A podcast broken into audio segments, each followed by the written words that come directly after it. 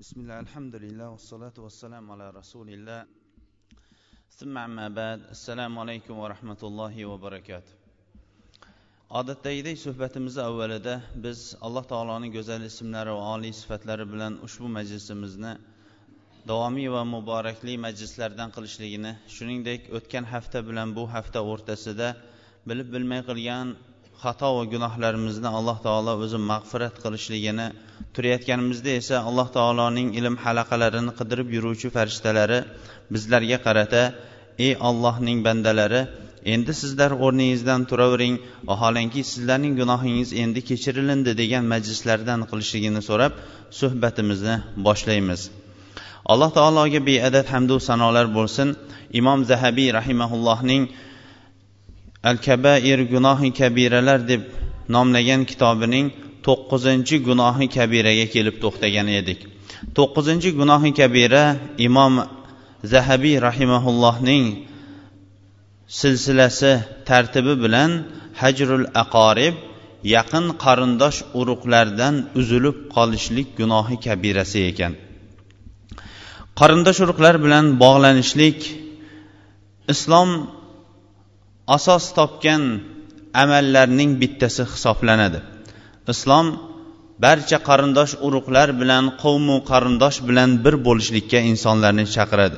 Xoh bu qavmu qarindoshlar ota tomonidan bo'lsin xoh ona tomonidan bo'lsin bularning hammasi bilan ham bordi keldi qilishlikka islom aslida bizlarni chaqirgan.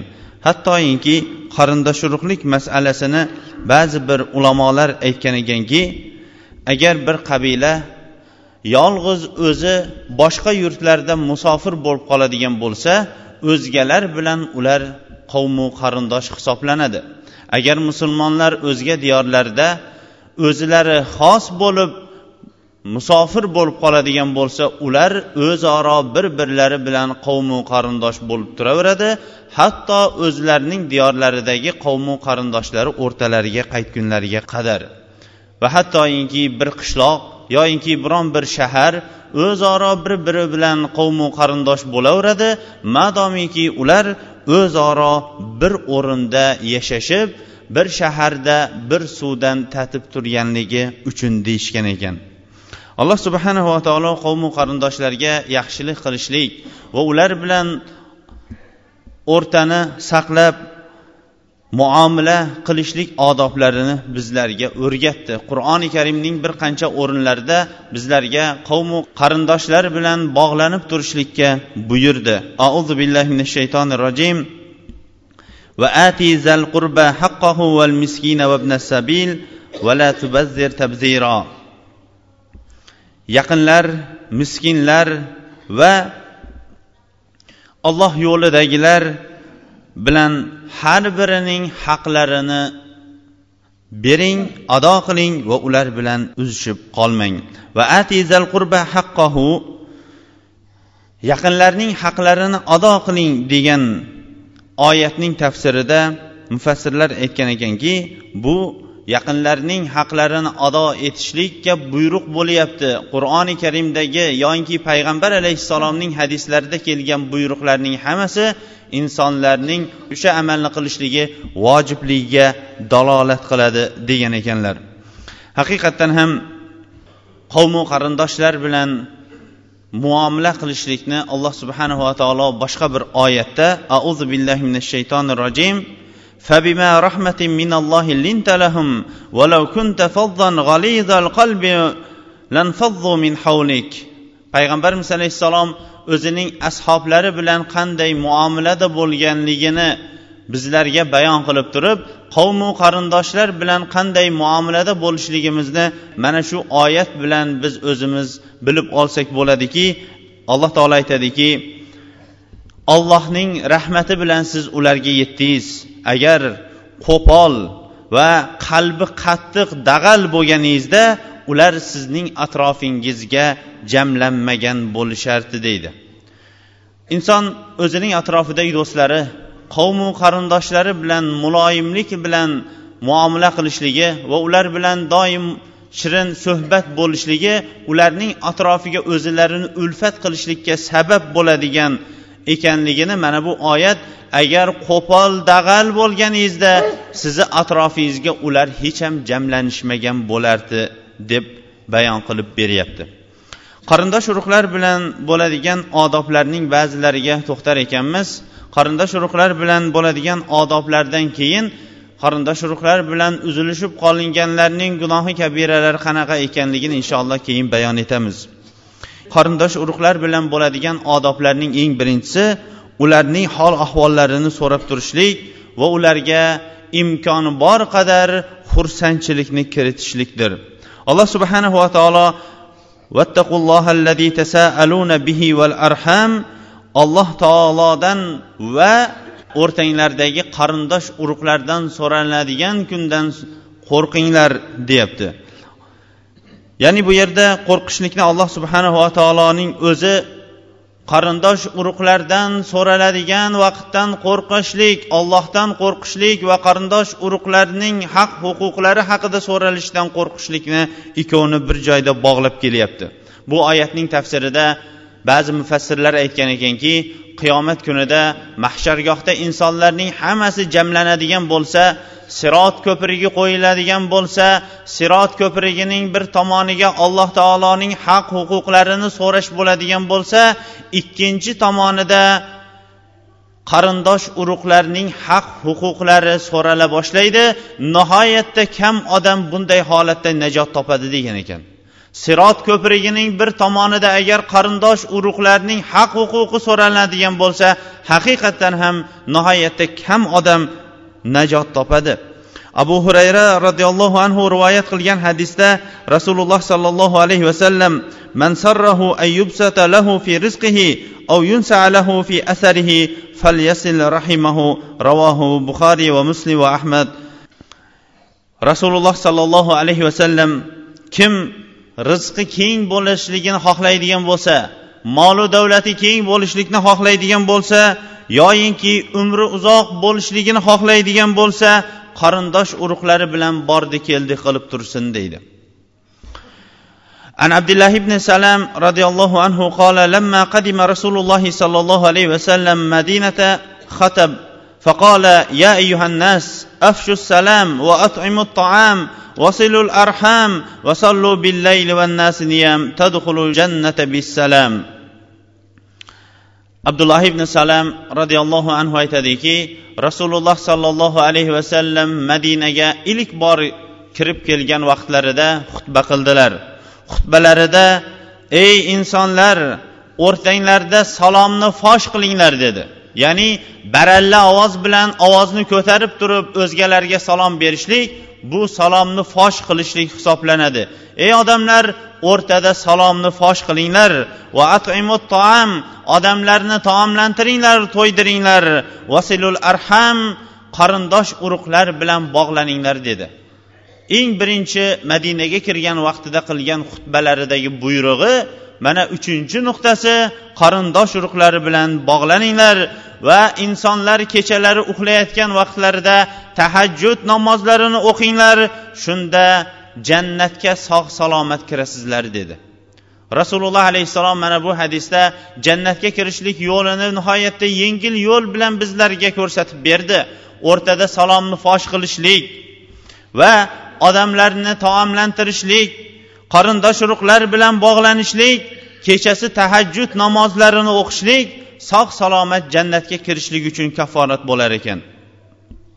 Oysha roziyallohu anhadan ani nabiy sollallohu alayhi vasallam qol silatul rahmi va husnul xulqi va husnul jivar yuammirani diyar va yazidani fil amar.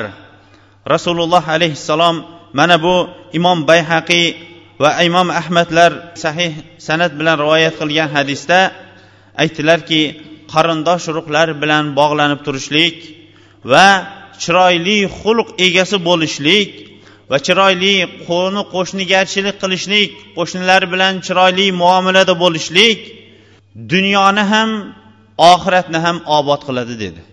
Uchta amal qarindosh urug' bilan bog'lanishlik chiroyli xulq egasi bo'lishlik qo'shnilar bilan chiroyli muomalada bo'lishlik diyorlarni ham shaharlarni ham obod qiladi keyin esa insonning umrini ziyoda qiladi dedilar. Kim umri ziyoda bo'lishligini xohlaydigan bo'lsa moli ko'payishligini xohlaydigan bo'lsa shaharlari obod bo'lishlikni xohlaydigan bo'lsa mana shu uchta sifatni o'ziga lozim tutsin. Qarindosh urug'lar bilan bog'lanib turishlik va ularning qalblariga xursandchilik kiritib turishlik agar kasal bo'ladigan bo'lsa payg'ambarimiz sollallohu alayhi vasallamday agar bemor bo'lgan kishini u kishi ziyorat qiladigan bo'lsalar hol ahvolidan so'rardilar kasalligini aytganlaridan keyin la basa tahur inshaalloh hech qisi yo'q yaxshi bo'lib ketasiz inshaalloh deb qo'yardilar. Bu bilan bemor yotgan kishining ko'nglini ko'tarardilar. Ibn qayyim rahimaulloh mana shu hadisning sharhida aytadiki bemorlarning ko'nglini ko'tarib qo'yishlik ularni yarim davolashlikdir. Qolgan yarim davolashlik ularni dori darmon bilan davolashlikdir. Payg'ambarimiz sollallohu alayhi vasallamday davolovchi kishi yo'qdir. Chunki u kishi kelishligi bilan bemorlarning ko'nglini ko'tarib yaxshi bo'lib ketasiz hech qisi yo'q inshaalloh deb aytardi dedi.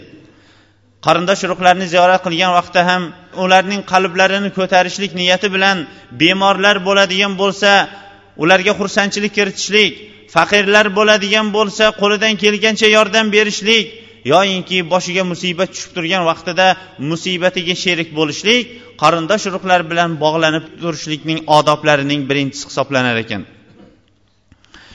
Ammo qarindosh urug'lar bilan uzilib qolishlik katta gunohlarning bittasi hisoblanib alloh subhanahu va taolo فهل عسيتم إن توليتم أن تفسدوا في الأرض وتقطعوا أرحامكم أولئك الذين لعنهم الله فأصمهم وأعمى أبصارهم deydi iymon keltirganinglardan keyin yuzinglarni iymondan burib chiqib ketishinglar yerda fasod tarqatishinglardir shuningdek qarindosh urug'lar bilan uzilib qolishlik ham yerda fasod tarqalishlikdir. Alloh taolo ana unday insonlarni la'natladi. Ularning ko'zlarini ko'r ko'rmaydigan quloqlarini haqni eshitmaydigan qilib qo'ydi. Va ular haqiqatdan ham dunyo va oxiratda ziyon ko'rgan kishilardan hisoblanadi. Qarindosh urug'lar bilan uzilib qolishlikni alloh subhanava taolo mana bu o'rinda iymondan keyin murtad bo'lib yerda fasod tarqatib iymondan keyin yuz o'girib ketishlikni mana bu o'rinda alloh taolo katta bir gunohlarning ikkinchisi qilib hisoblab turibdiki iymondan yuz o'girgandan keyingi holatni qarindosh urug'lar bilan uzilib qolishlikdir deydi. Abu hurayra roziyallohu anhu aytadiki samitu rasululloh sollallohu alayhi vasallam yaqul إن أعمال بني آدم تؤرد كل خميس ليلة الجمعة فلا يقبل عمل قاطع الرحم men rasululloh sollallohu alayhi vasallam shunday deyayotganlarini eshitdim odam farzandining amallari ya'ni bu amallardan murod haftalik hisobot haftalik qilinadigan hisobot har payshanba kuni juma kechasi ko'ldarang qilib turiladi va qarindosh urug'lari bilan uzilishib qolgan insonlarning amallari qabul qilinmaydi deydi. Alloh subhanahu va taolo insonning amalini hisobot qilishlik uchun yillik hisobot umrlik hisobot umr bo'yi inson qiladigan hisoboti mahshargohda allohning huzurida qiladigan hisoboti yil davomida qiladigan hisoboti keyin esa oyda qilinadigan ba'zi hisobotlar haftada qilinadigan hisobotlar va har kuni qiladigan hisobotlarni bayon qilib berdi. Sahoba va tobiinlardan iborat bo'lmish bizni tariximiz sulolasi ular o'zlarining hisobotlarini har kuni qilishardi. Ibn umar roziyallohu anhu aytardilarki hasibu anfusakum qabla an tuhasab vazinu a'malakum qabla an tuzan fa innal yawma amalun bila jaza val g'ad jazaun bila amal deb aytardilar. O'zinglarni o'zinglar hisob kitob qilinglar. Hisob kitob qilinishliginglardan avval o'zinglarning amalinglarni tarozida tortinglar. Amallar tortilishligidan avval chunki bugun amal bor hisob yo'qdir. Ertaga esa hisob bor amal yo'qdir derdi. Sahobalar har kuni kechqurun o'zlarining qilgan amallaridan o'zlarining nafslarini o'zlari hisob kitob qilishardi. Alloh subhanava taolo har payshanba kuni bir haftalik amallarni hisob kitob qiladigan farishtalarni o'sha kunni belgilab qo'ydi. Shuning uchun ham payg'ambarimiz sollallohu alayhi vasallam payshanba kuni ro'za tutdilar. Payshanba kuni tutgan ro'zasining sababi so'ralganda amallar ko'ldarang qilib hisobot berilayotgan vaqtda amallarim ro'zador holatda qabul qilinishligini umid qilaman dedilar. Darhaqiqat insonlar ham o'zlarining mollarini bozorda ko'ldarang qilgan vaqtda mollarining eng yaxshisini oldi tomonga qo'yganiga o'xshash hisobot vaqtida rasululloh sollallohu alayhi vasallam o'zlarini gunohlardan tiygan butun toatga burilgan holatda ro'zador holatda payshanba kunini o'tkazar edi.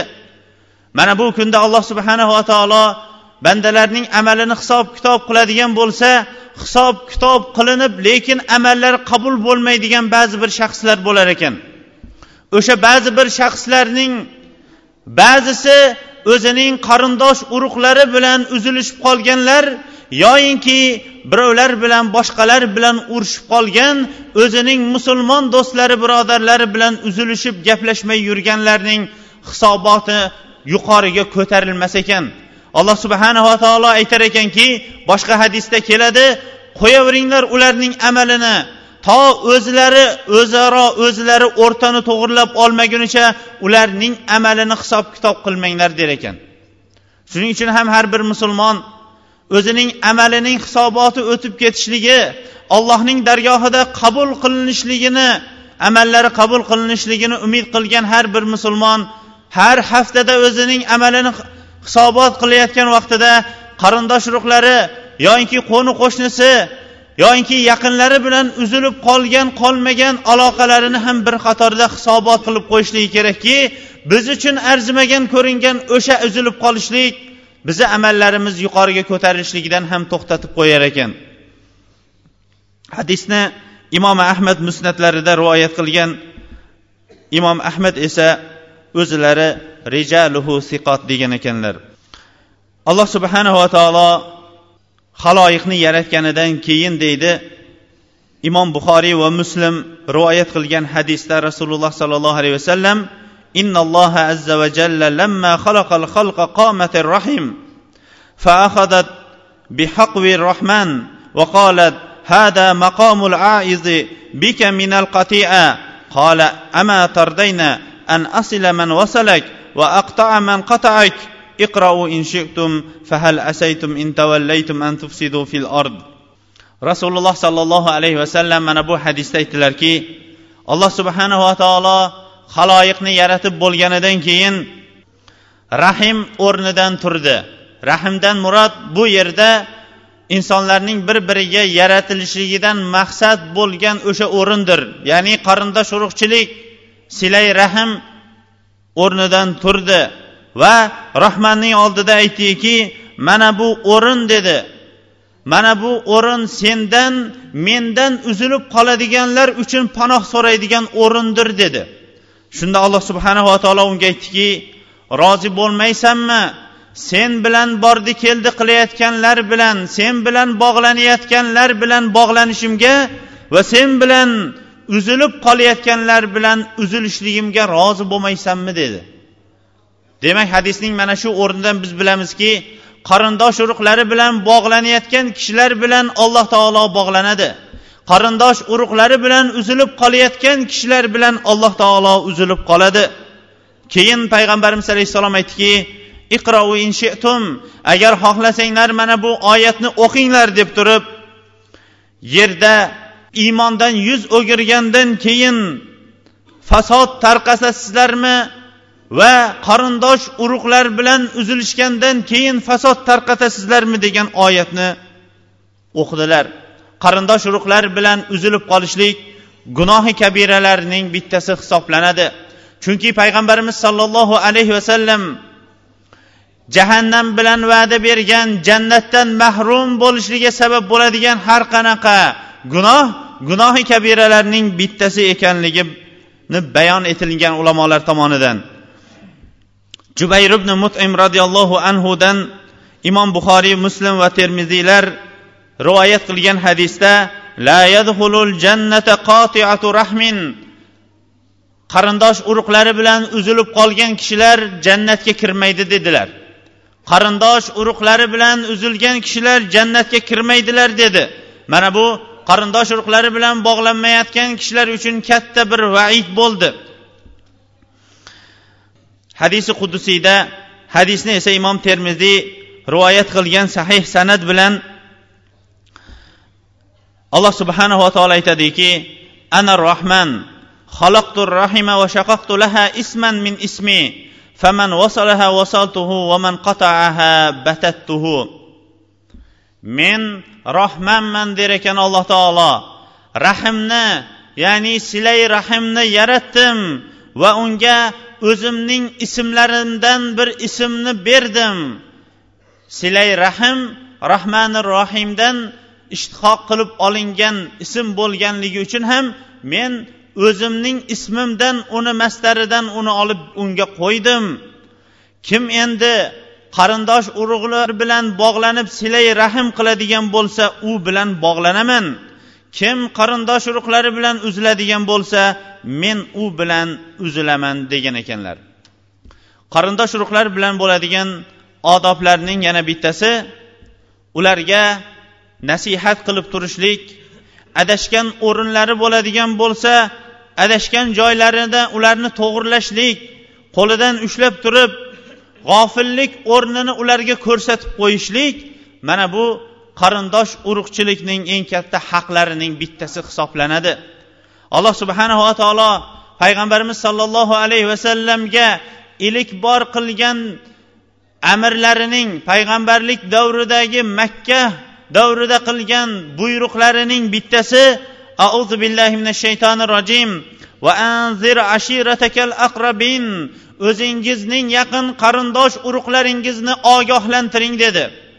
Mana bu oyat tushishligi bilan payg'ambarimiz sollallohu alayhi vasallam o'zining uch yil mobaynida qilib turgan maxfiy da'vatidan oshkor da'vatiga o'tdi va safo tog'iga chiqib turib abu hurayra roziyallohu anhudan rivoyat qilgan hadisda bu oyat nozil bo'lganidan keyin rasululloh sollallohu alayhi vasallam safo tog'iga ko'tarildi va o'zining amaki bo'lgan tug'ishgan amakivachchalarining hammasiga xitob qilib ey ya bani abdushams ya bani kab ibn luay anqidu anfusakum min nar يا بني عبد مناف أنقذوا أنفسكم من النار. يا بني مرة أنقذوا أنفسكم من النار. يا بني هشام أنقذوا أنفسكم من النار. يا بني عبد المطلب أنقذوا أنفسكم من النار. يا فاطمة بنت محمد أنقذي نفسك من النار. فإني لا أملك لكم من الله شيئا. Dedilar ya'ni o'zilarining har bir tug'ishgan amakilariga xitob qilib turib ey abdushams qabilasi ey kab ibn luay qabilasi o'zinglarni jahannam olovidan asranglar. Ey abdumannof qabilasi o'zinglarni jahannam olovidan saqlanglar. Ey murra qabilasi o'zinglarni jahannam olovidan saqlanglar. Ey hishom qabilasi o'zinglarni jahannam olovidan saqlanglar. Ey abdul muttalibning farzandlari deb turib o'zining bobosining farzandlariga qarab turib aytyaptiki o'zinglarni jahannam olovidan saqlanglar. Hatto oxiri kelib aytdiki ey muhammadning qizi bo'lgan fotima o'zingni jahannam olovidan saqla chunki men qiyomat kunida sizlarga foyda keltira olmayman dedilar. Payg'ambar sollallohu alayhi vasallamning qarindosh urug'larga qilgan nasihati yaxshiligi shunchalik ravishda bo'ldiki safo tog'i ustiga chiqib turib butun o'zining tug'ishgan yaqinlarini chaqirib turib ularga birma bir otalarining ismlari bilan eslatib turib jahannamdan o'zlarini saqlashlikka buyurdilar va o'zlari payg'ambar bo'lishligiga qaramasdan ularga hech ham yordam bera olmasligini bayon qildilar. Mana bu qarindosh urug'lar ichida bo'ladigan odoblardan bo'lmoqligi kerakki mana shu masjidimizga nechi ming odam kelsa ularning har birlari o'zining qarindosh urug'larini ba'zilari mana shu kunda ziyorat qilishadi. Mana shu kunda shu jomening o'zida bir birlarini ko'rishadi. Lekin ming afsuslar bo'lsinki ular hammalarini ham ko'rishmaydi. O'sha ko'rishmayotganlari ya'ni namozga kelmayotganlarining qo'llaridan ushlab ey falonchi boradigan o'rnimiz o'sha o'rin boradigan diyorimiz o'sha diyor. Oxir oqibat esa taqvodorlarniki namoz o'qimaydigan bo'lsanglar holinglar yaxshi bo'lmaydi deb turib ularning qo'llaridan ushlab namozga tortishlik har bir qarindosh urug'ning bo'ynidagi vojib bo'lgan amallarning bittasi hisoblanadi. Agar qiyomat kunida biz bizni ustimizdan har bir farzandlarimiz yaqin qarindosh urug'larimiz hujjat ko'taradigan bo'lsa holimizni alloh subhanava taolo bayon qilib turib aytadiki auzu billahi minash shaytonir rojim. Yawma yafirrul mar'u min axihi va ummihi va abi va sohibatihi va banih bu kunda kishi o'zining aka ukalaridan qochadi va farzandlaridan ham qochadi va sohibatihi va banih o'zining ayoli farzandlaridan ham qochadi oshna og'aynilaridan ham qochadi. Nima uchun? Chunki ularni ogohlantirmagan o'zi namozga boravergan sizlar ishinglarda davom etinglar deb turib o'zi namozga ketgan do'konni o'zi yopayotgan vaqtida yonida turgan do'kondosh bo'lgan hamrohini namozga chaqirmagan o'zining farzandini namozga yetaklab olib kelmagan qarindosh urug'ini namozga buyurmagan ahli ayolini namozdan ogohlantirmagan ularning hammalari qiyomat kunida insonlar arosatda qolib hattoyinki payg'ambarlarning hammasining qiladigan duosi allohimma sallim allohimma sallim iloyo meni o'zimni salomat qil meni salomat qil deb turadigan dahshatli soatda insonlar qutulib qolishlik uchun har kimga o'zlarining hujjatlarini ko'rsatib har kimga osilib ko'rar ekan. O'sha vaqtda inson xossatan namozni o'qib islom shariatini bilib turgan insonlar uchun hujjat kattaroq bo'lib barpo bo'ladi. O'shanda qarindosh urug'lar ham namoz o'qimayotgan farzandlar ham qo'ni qo'shnilar ham hattoyinki farzandlaringizning o'zi ham siz uchun hujjat ko'taradi. Chunki siz ularni namozga olib kelmaganligingiz uchun keyin esa inson bu ko'tarilayotgan hujjatlarning og'irligidan qochishlikka harakat qilar ekan lekin qayoqqa ham qochardi? Shuning uchun ham har bir namozxon bo'lgan qarindosh urug' o'zining eng birinchi da'vatini qarindosh urug'laridan boshlamoqlik kerakdir. Chunki bu payg'ambarimiz sollallohu alayhi vasallamning sunnatidir. Chunki bu alloh subhanahu va taoloning buyrug'idir. Va anzir ashiratakal aqrabin siz o'zingiz bilan birga turgan yaqin qavmu qarindoshingizni ogohlantiring deyapti. Payg'ambarimiz sollallohu alayhi vasallam har bir amalni qilgan vaqtlarida al aqrabu fal aqrab yaqin yaqindan deb qo'yardilar va amallarni ham o'zlarining yaqinlaridan boshlar edilar. Shuning uchun ham har birimiz o'zimizning namoz o'qimayotgan hali ollohni tanimayotgan qavmu qarindoshlarimizga borib ollohni tanishligimiz va ularga namoz farz ekanligini bildirishligimiz juma kunlarida ularni jumaga taklif qilishligimiz har birimiz uchun bugungi kunda vojib bo'lgan bir amallarga aylanib qoldi. Qarindosh urug'lar bilan bo'ladigan odoblarning yana bittasi agar qarindosh urug'lar faqir miskin bo'ladigan bo'lsa ularga qo'ldan kelgancha moddiy yordam berib turishlik. Yuqorida zikr qilingan amallarning hammasi ularga ma'naviy yordam berib turishlik bo'ladigan bo'lsa endi moddiy yordamimizni ham ulardan ayamasligimiz kerakdir. Begonalarga qilingan xayr ehson sadaqaga insonlar kamida bitta savob oladigan bo'lsa qarindosh urug'iga qilgan sadaqada ikkita savob oladi. Birinchidan qilgan sadaqasi uchun ikkinchidan esa o'sha sadaqa yoinki o'sha ehsonni qarindosh urug'iga qilganligi uchun ham ikkinchi ehsonning savobini oladi. Agar har bir urug'dagi yoinki har bir qavmu qarindoshdagi boy qo'li yetadigan kishilar o'zlarining qavmu qarindoshidan xabar olib turganida jamiyatda kambag'alchilik yoinki qo'li kaltalik degan masala qolmagan bo'lardi.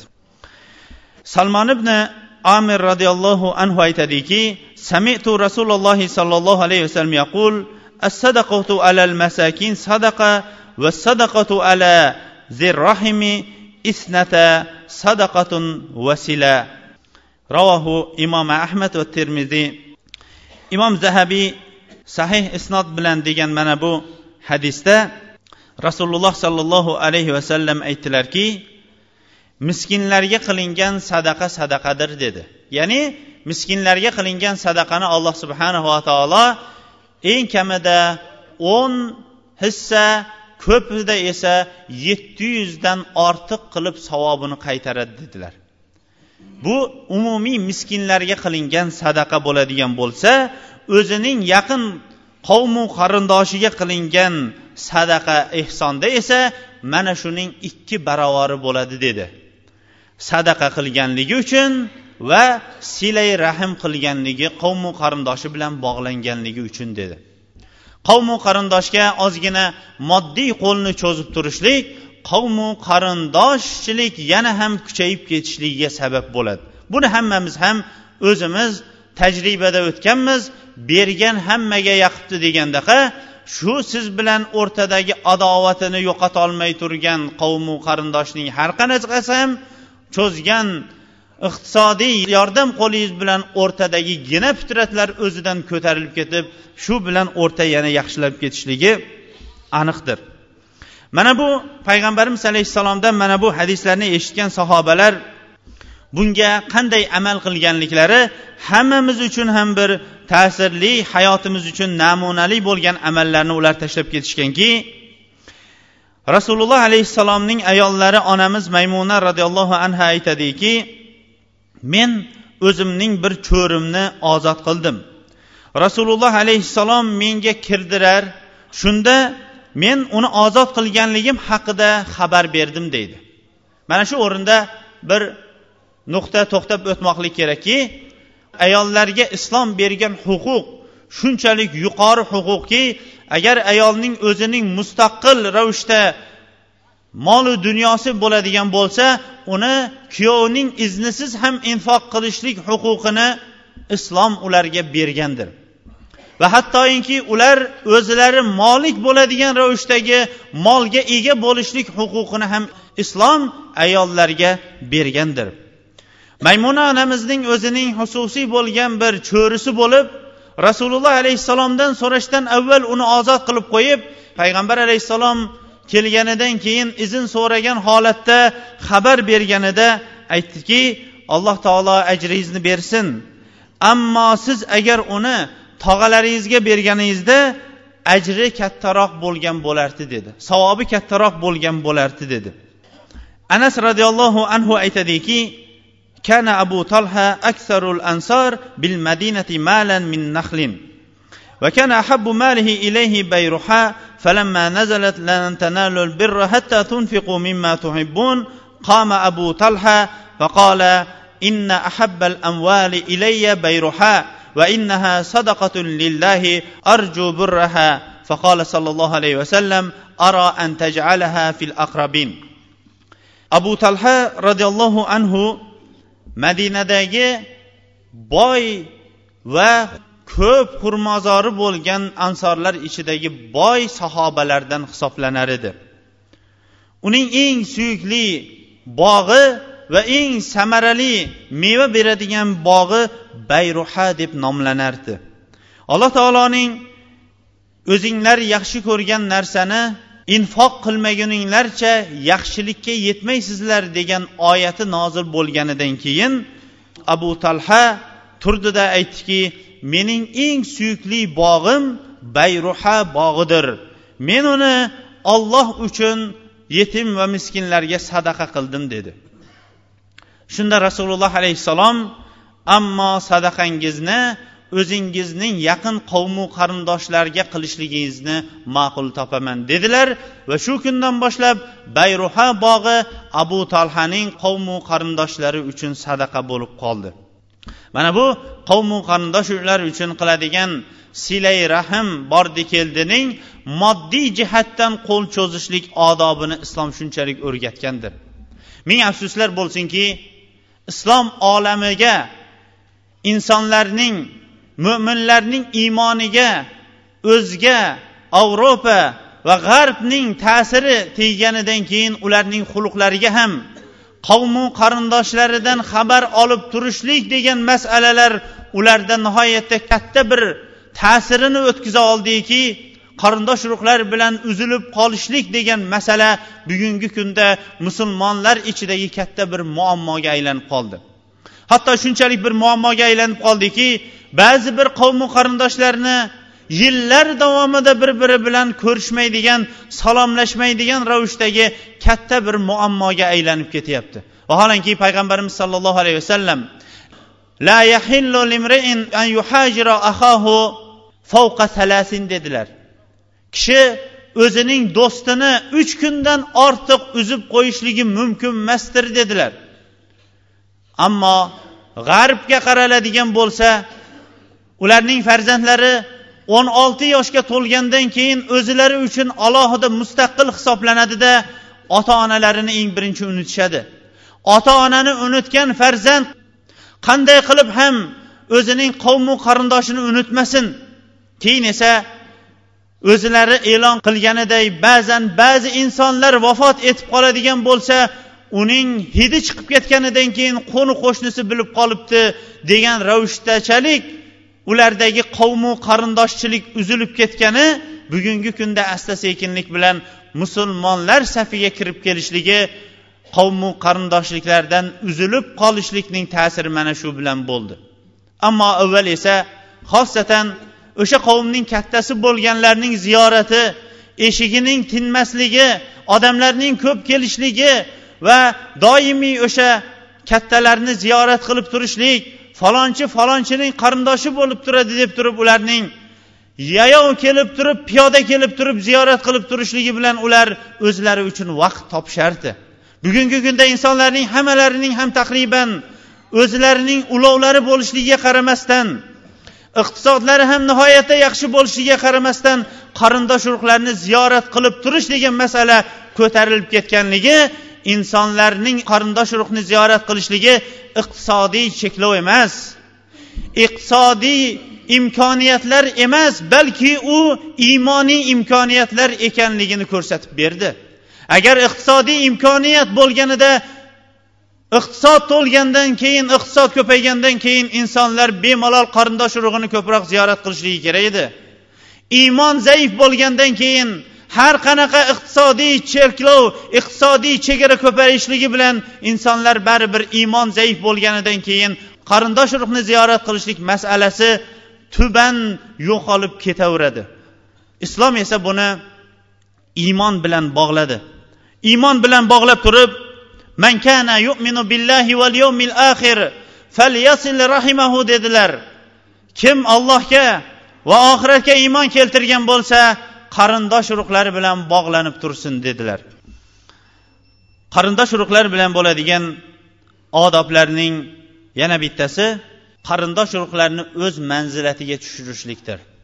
Payg'ambarimiz alayhissalom al aqrabu fal aqrab yaqin yaqinlar bilan deganidaqa qancha insonning rahimi ya'ni tug'ishganligi yaqin bo'ladigan bo'lsa shunchalik ular bilan yaqindan aloqa qilishlikdir.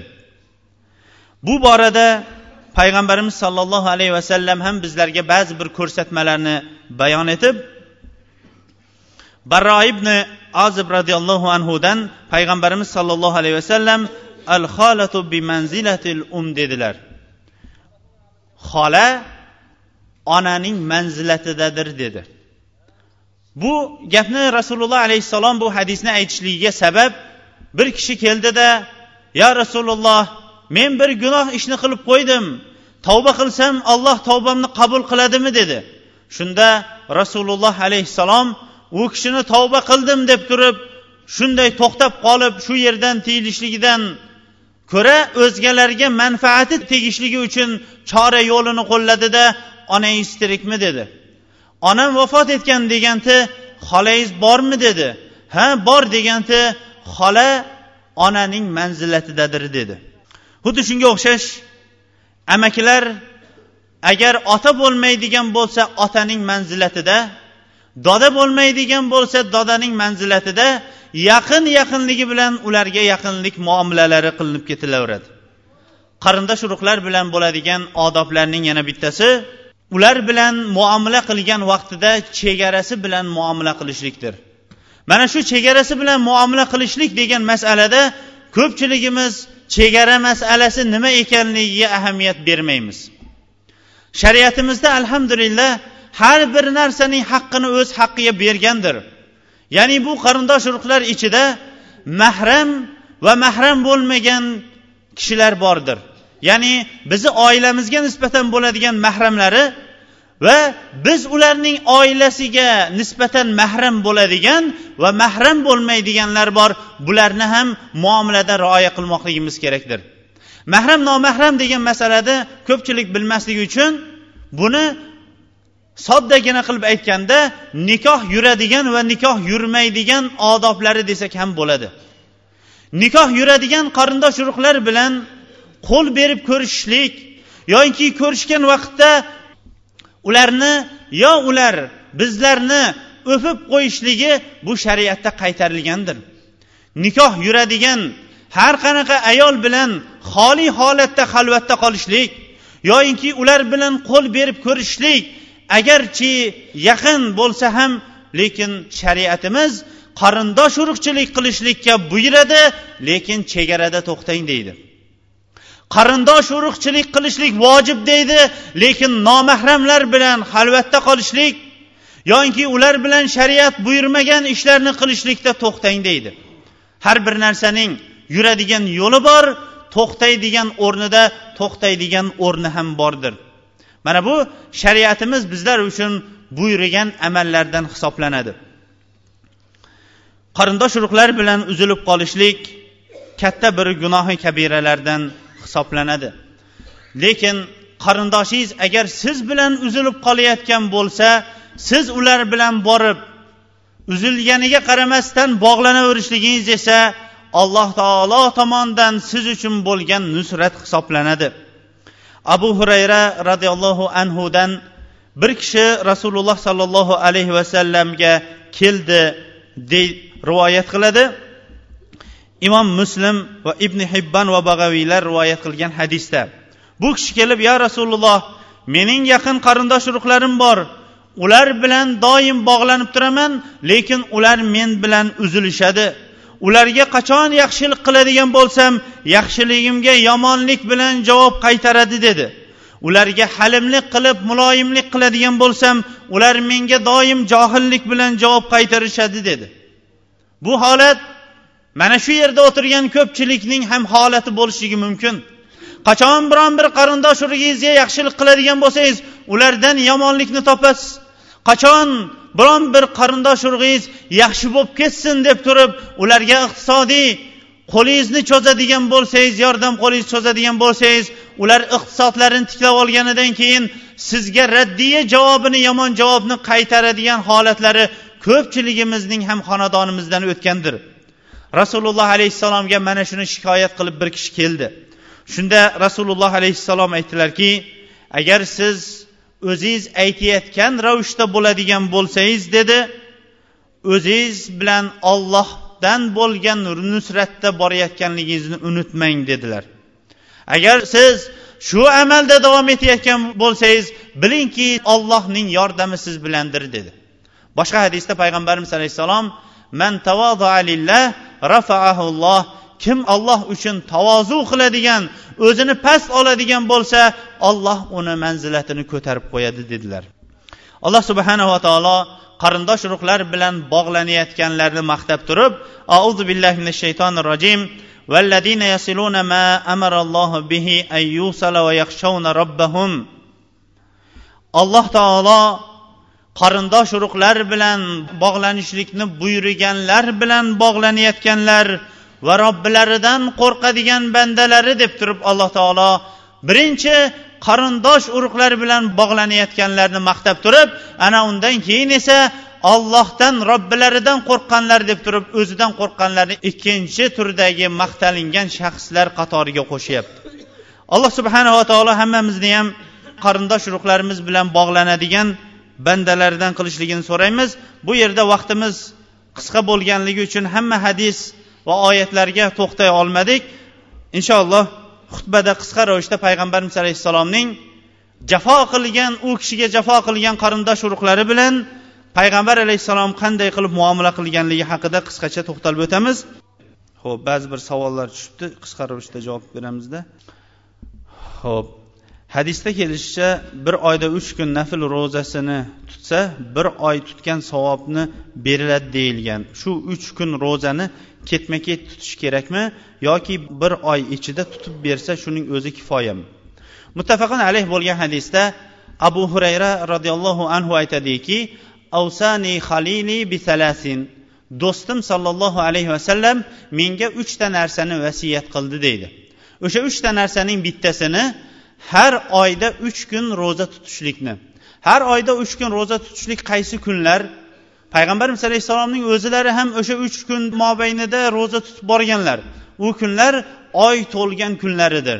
Ya'ni oyning o'rtasidagi o'n uchinchi o'n to'rtinchi o'n beshinchi oydin kechalar buni hammamiz ham bilamiz. O'sha kunlarda payg'ambarimiz alayhissalom paydar payiga uch kun ro'za tutganlar. Va eng kamida hammamiz ham bilamiz har qanaqa savobli amalning savobi o'n barobar bo'ladigan bo'lsa uch kun tutilgan ro'za bilan inson kamida bir oylik savobni oladi lekin har qanaqa amalning savobi eng kamida o'nta belgilangan bo'lsa ro'zaning savobi undan ham yuqoriroqdir. Bunga dalil alloh subhanava taolo hadisi qudusiyda assovmuli va ana uzzi. Ro'zani bandam men uchun tutyapti va men uning mukofotini beraman dedi chegaralagani yo'q.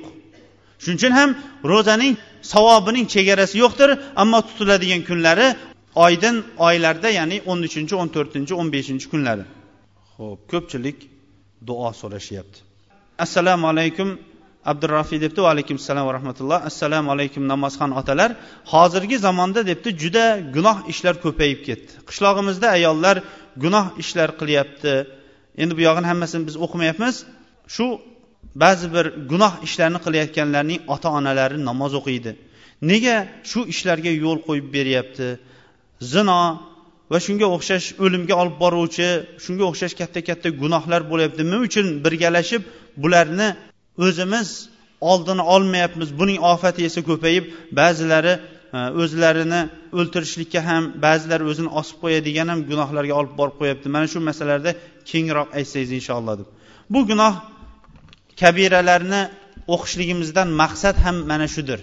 Insonlarni gunohdan tiyib yoki insonlarni gunohdan tiyilishligi yo'lini qidirib keyin esa uni to'g'ri yo'lga yo'llashlikka harakat qilishlik. Haqiqatdan ham jon kuydirib shunchalik xat yozganingizdan alloh rozi bo'lsin va ko'proq musulmonlar haqiga duo qilishligingizni so'raymiz.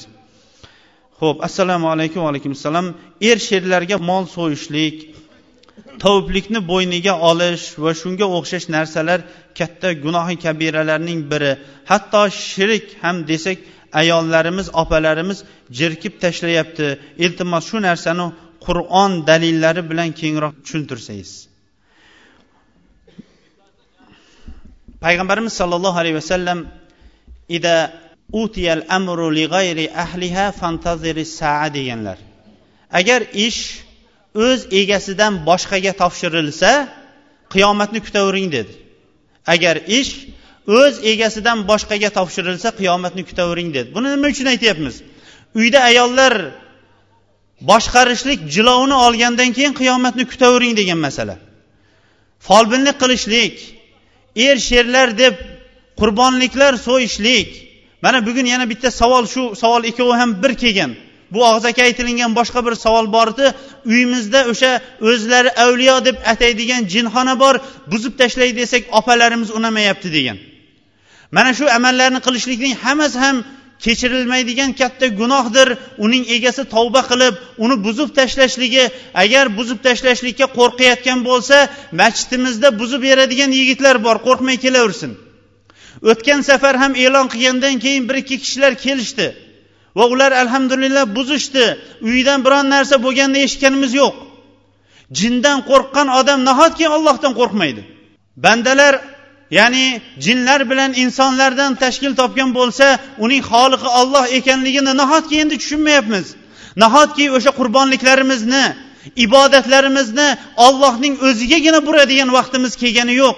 Nahotki necha yillardan buyon ushbu masjidda aytilib turingan tavhid masalasi insonlarga hali ham yetib kelmasa nahotki erkaklar haligacha o'zining ayollari folbin bo'lib kelishlikka rozi bo'lsa nahotki erkaklar haligacha ayollarini shunday o'rinlarni ziyorat qilishlikka shirk amallarini qilishlikka rozi bo'lib kelayotgan bo'lsa nahotki erkaklar hali ham o'zlarining uylarining ba'zi bir o'rinlarida avliyo deb atalib qo'yilgan jinxonalarni soldirishlikka hali ham endi musulmon bo'lib turib rozi bo'lib tursak. Qibla bitta bo'ladi. Ibodat qilinadigan o'rin bitta bo'ladi. Masjidga kelib namozni o'qisakda ibodatimizni yoki qurbonligimizni borib o'sha erlar sherlari uchun qilsak avliyolarga tegaversin o'sha avliyo azizlarga deb turib o'sha jinlarga o'shalarni ataydigan bo'lsak bu albatta agar shirk keltirgan bo'lsangiz amalingizning hammasi habata bo'ladi qiyomatda haqiqiy ziyon ko'rguvchi odamlardan bo'lasiz deydi alloh taolo. Albatta shirk eng katta zulmdir deydi. Agar kim uyida shunaqa bo'lib buzolmayotgan qo'rqayotgan bo'lsa yolg'iz o'zimizga kelsin. U hech kimga ismlar ham aytilinmaydi. Borib o'sha buzib kelinadi. agar mana shu amalni qilayotgan odam kechalari tahajjud namozini o'qib kunduzlari ro'za tutadigan bo'lsa ham uning amali qabul qilinmaydi ehtiyot bo'lsin bunday gunoh kabiradan va boshqa bu yerda bemorlar uchun duo talab qilganlar bor ekan hammalari uchun ham bir duo qilaylik آمين الحمد لله والصلاة والسلام على رسول الله اللهم تقبل منا إنك أنت السميع العليم وتب علينا إنك أنت التواب الرحيم alloh subhanahu va taoloning go'zal ismlari va oliy sifatlari bilan so'raymizki hammamizni ham duolarimizni ibodatlarimizni o'zi qabul qilsin. Ey robbim bizlarning bilib bilmay qilayotgan ba'zan esa gunoh bilan qo'shib qilib qo'yayotgan ibodatlarimizni o'z dargohingda qabul qil. O'zinggagina ibodat qiladigan turli shirik nifoq va shunga o'xshagan ma'siyatlar qilishlikdan o'zing asragaysan. Bizni diyorlarni faqatgina o'zinggagina tavhid bilan ibodat qiladigan bandalaringdan qilgaysan va shu tavhid bilan payg'ambar alayhissalomning ortida qiyomatda shafoatiga sazovor bo'lib jannatga kirishlikka o'zing nasib etgaysan ey robbim bemorlarimizga o'zing shifo bergaysan.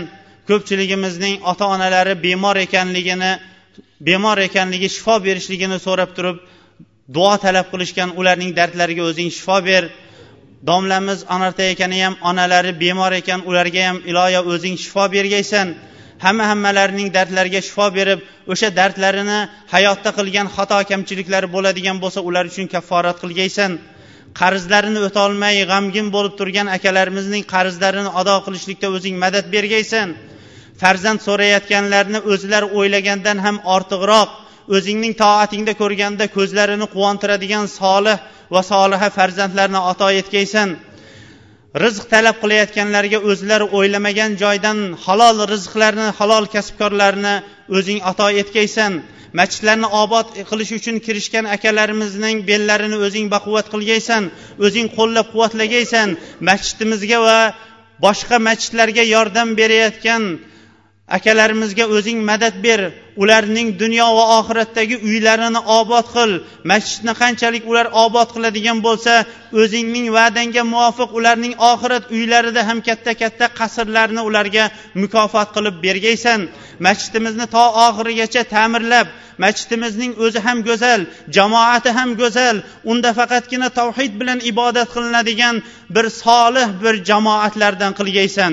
Alloh subhanava taolo ushbu ustozlarimizdan o'zing rozi bo'l va rozi qil. Ularni ham to o'zingga yo'liqquncha ibodatda sobit qadam qil. Farzandlarini ham o'zlar o'ylagandan ham ortiqroq solih va solihalardan qil.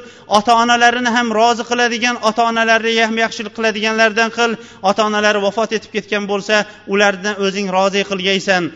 Payg'ambar alayhissalom nima yaxshiliklarni so'ragan bo'lsa o'sha yaxshiliklarni so'raymiz. Nima yomonliklardan panoh tilagan bo'lsa o'sha yomonliklardan panoh tilaymiz. Ey robbim bizni bahorimizni qurg'oqchilik bahorlaridan qilib qo'ymagansan osmondan o'zing yog'dirgaysan rizq beruvchi o'zingdir faqat o'zingdangina so'raymiz bizlar uchun barakot yomg'iringni nozil qil ey robbim bizlar uchun barakot yomg'iringni nozil qil ey robbim bizlar uchun barakot yomg'iringni nozil qilgaysan xalqlarni va hayvonlarni quruqchilikdan o'zing asragaysan ربنا آتنا في الدنيا حسنة وفي الآخرة حسنة وقنا عذاب النار وصلى الله تعالى خير خلق محمد وعلى آله وصحبه أجمعين برحمتك يا أرحم الراحمين إن الحمد لله نحمده ونستعينه ونستغفره ونعوذ بالله من شرور أنفسنا ومن سيئات أعمالنا. من يهده الله فلا مضل له ومن يضلل فلا هادي له. وأشهد أن لا إله إلا الله وحده لا شريك له. وأشهد أن محمدا عبده ورسوله. أعوذ بالله من الشيطان الرجيم. يا أيها الناس اتقوا الله حق تقاته ولا تموتن إلا وأنتم مسلمون. أعوذ بالله من الشيطان الرجيم. يا أيها الناس اتقوا الله وقولوا قولا سديدا. يصلح لكم أعمالكم ويغفر لكم ذنوبكم. ومن يطع الله ورسوله فقد فاز فوزا عظيما.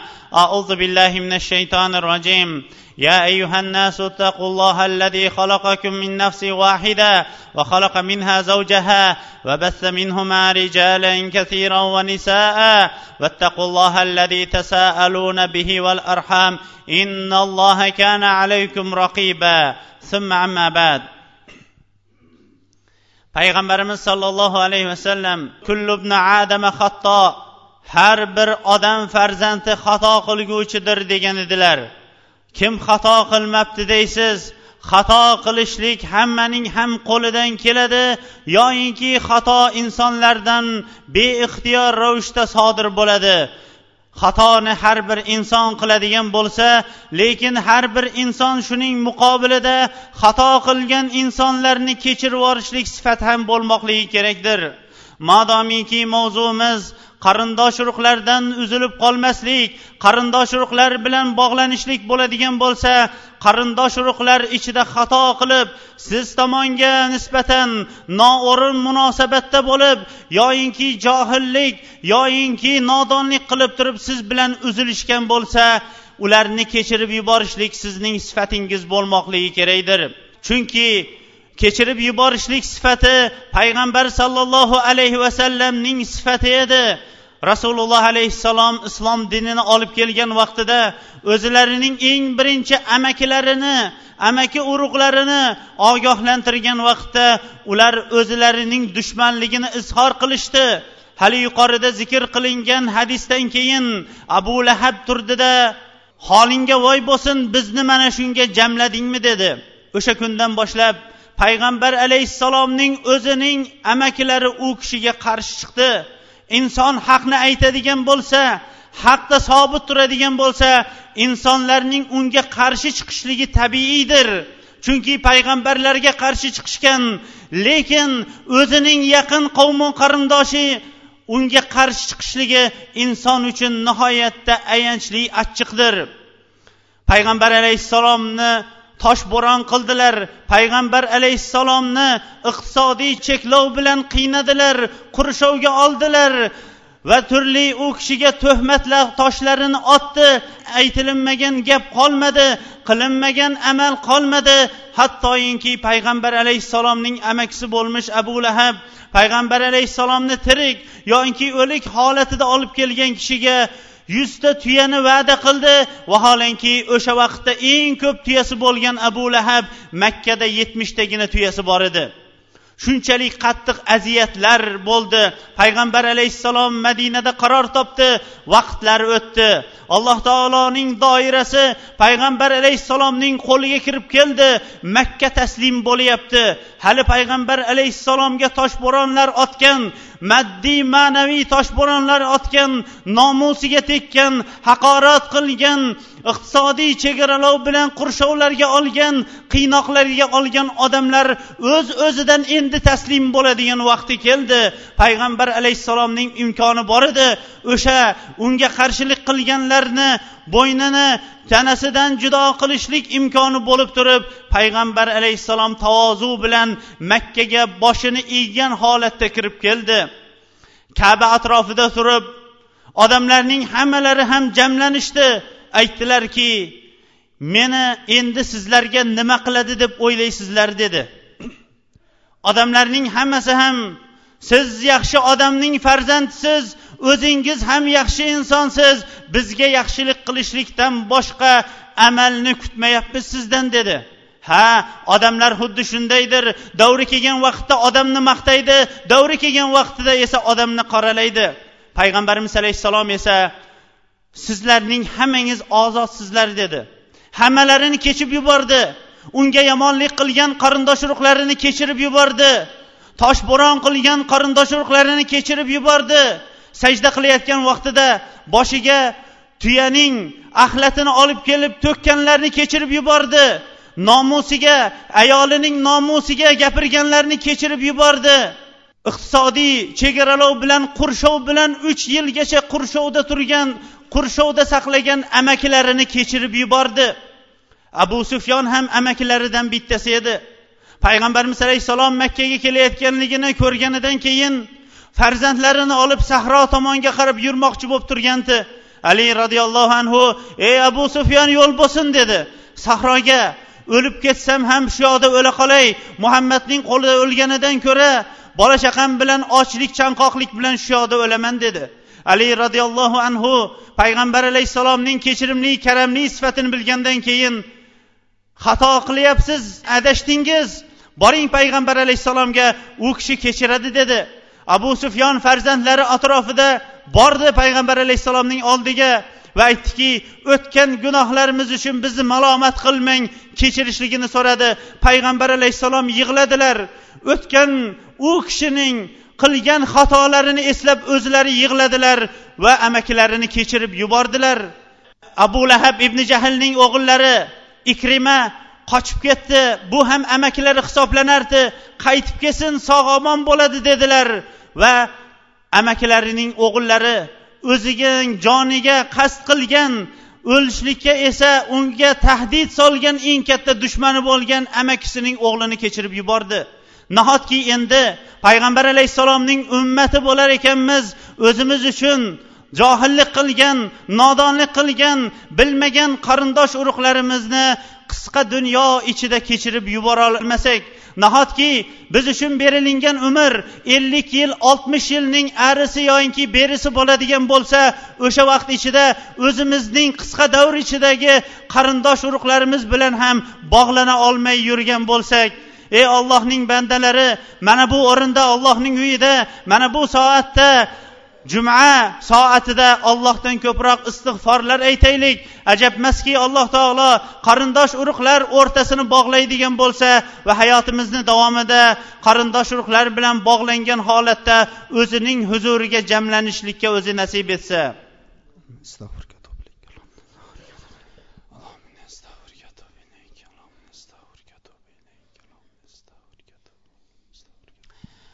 Alhamdulillahi robbil alamin. vassalatu vassalam ala nabiyina muhammadin va ala alihi va sahbihi ajmain. Qarindosh urug'lar bilan bog'lanishlik. Islom buyurgan amallarning eng ko'zga ko'ringan amallarning bittasi hisoblanadi. Shuning uchun ham abu hurayra roziyallohu anhu agarchi ba'zi ulamolar bu hadisning sanadida maqol bor desa ham lekin shohidlikka yaraydigan hadisda bir kuni o'zining ashoblari bilan o'tirgan edi. Majlisda o'tirib aytdiki biz hozir duo qilamiz. Lekin duo qilishligimizdan avval qarindosh urug'lari bilan uzilib qolganlar bo'lsa majlisdan turib chiqib ketsin dedilar. Majlisdan hech kim turmadi. Faqatgina bir burchakda o'tirgan bir yosh yigit o'rnidan turdida chiqdi. To'g'ri borib o'rtasi uzilib qolgan xolasi bilan borib o'rtani isloh qildi. Kechirim so'radi o'rtani to'g'riladi. Keyin xolasi ajablanib nima uchun sen hozir to'satdan shunday kelib o'rtani isloh qilding o'rtani tuzatding deganda aytdiki abu hurayra roziyallohu anhu shunga buyurdi majlisdan chiqib ketishligimga buyurdi dedi. Borib so'rangchi nima uchun ekan deganda u yigit kelib abu hurayra roziyallohu anhudan so'radi nima sababdan siz duodan avval qarindosh urug'laridan uzilib qolganlar chiqib ketishligini so'radingiz deganda chunki men payg'ambar alayhissalomdan eshitgan edim. Ollohning rahmati o'zining rahmli bo'lgan qarindoshlaridan uzilib qolganlar uchun ollohning rahmati nozil bo'lmaydi deganni eshitgandim dedi. Ollohning rahmati silay rahm qilishlikdan uzilib qolgan insonlardan insonlar ichiga allohning rahmati nozil bo'lmaydi dedilar. Shuning uchun ham mana shu majlisdan turar ekanmiz. Bugundan e'tiboran qalbimizda qarindosh urug'larimizga biron bir gina putrat qolmagan ravishda gina putrat bo'ladigan bo'lsa ularni kechib yuborgan ravishda allohga eng yaqini ikki kishining gaplashmay qo'ygan bo'lsa birinchi gapirgani allohga eng yaqini bo'lgan holatda majlisdan turishligimizga tavfiq berishligini allohdan so'raymiz.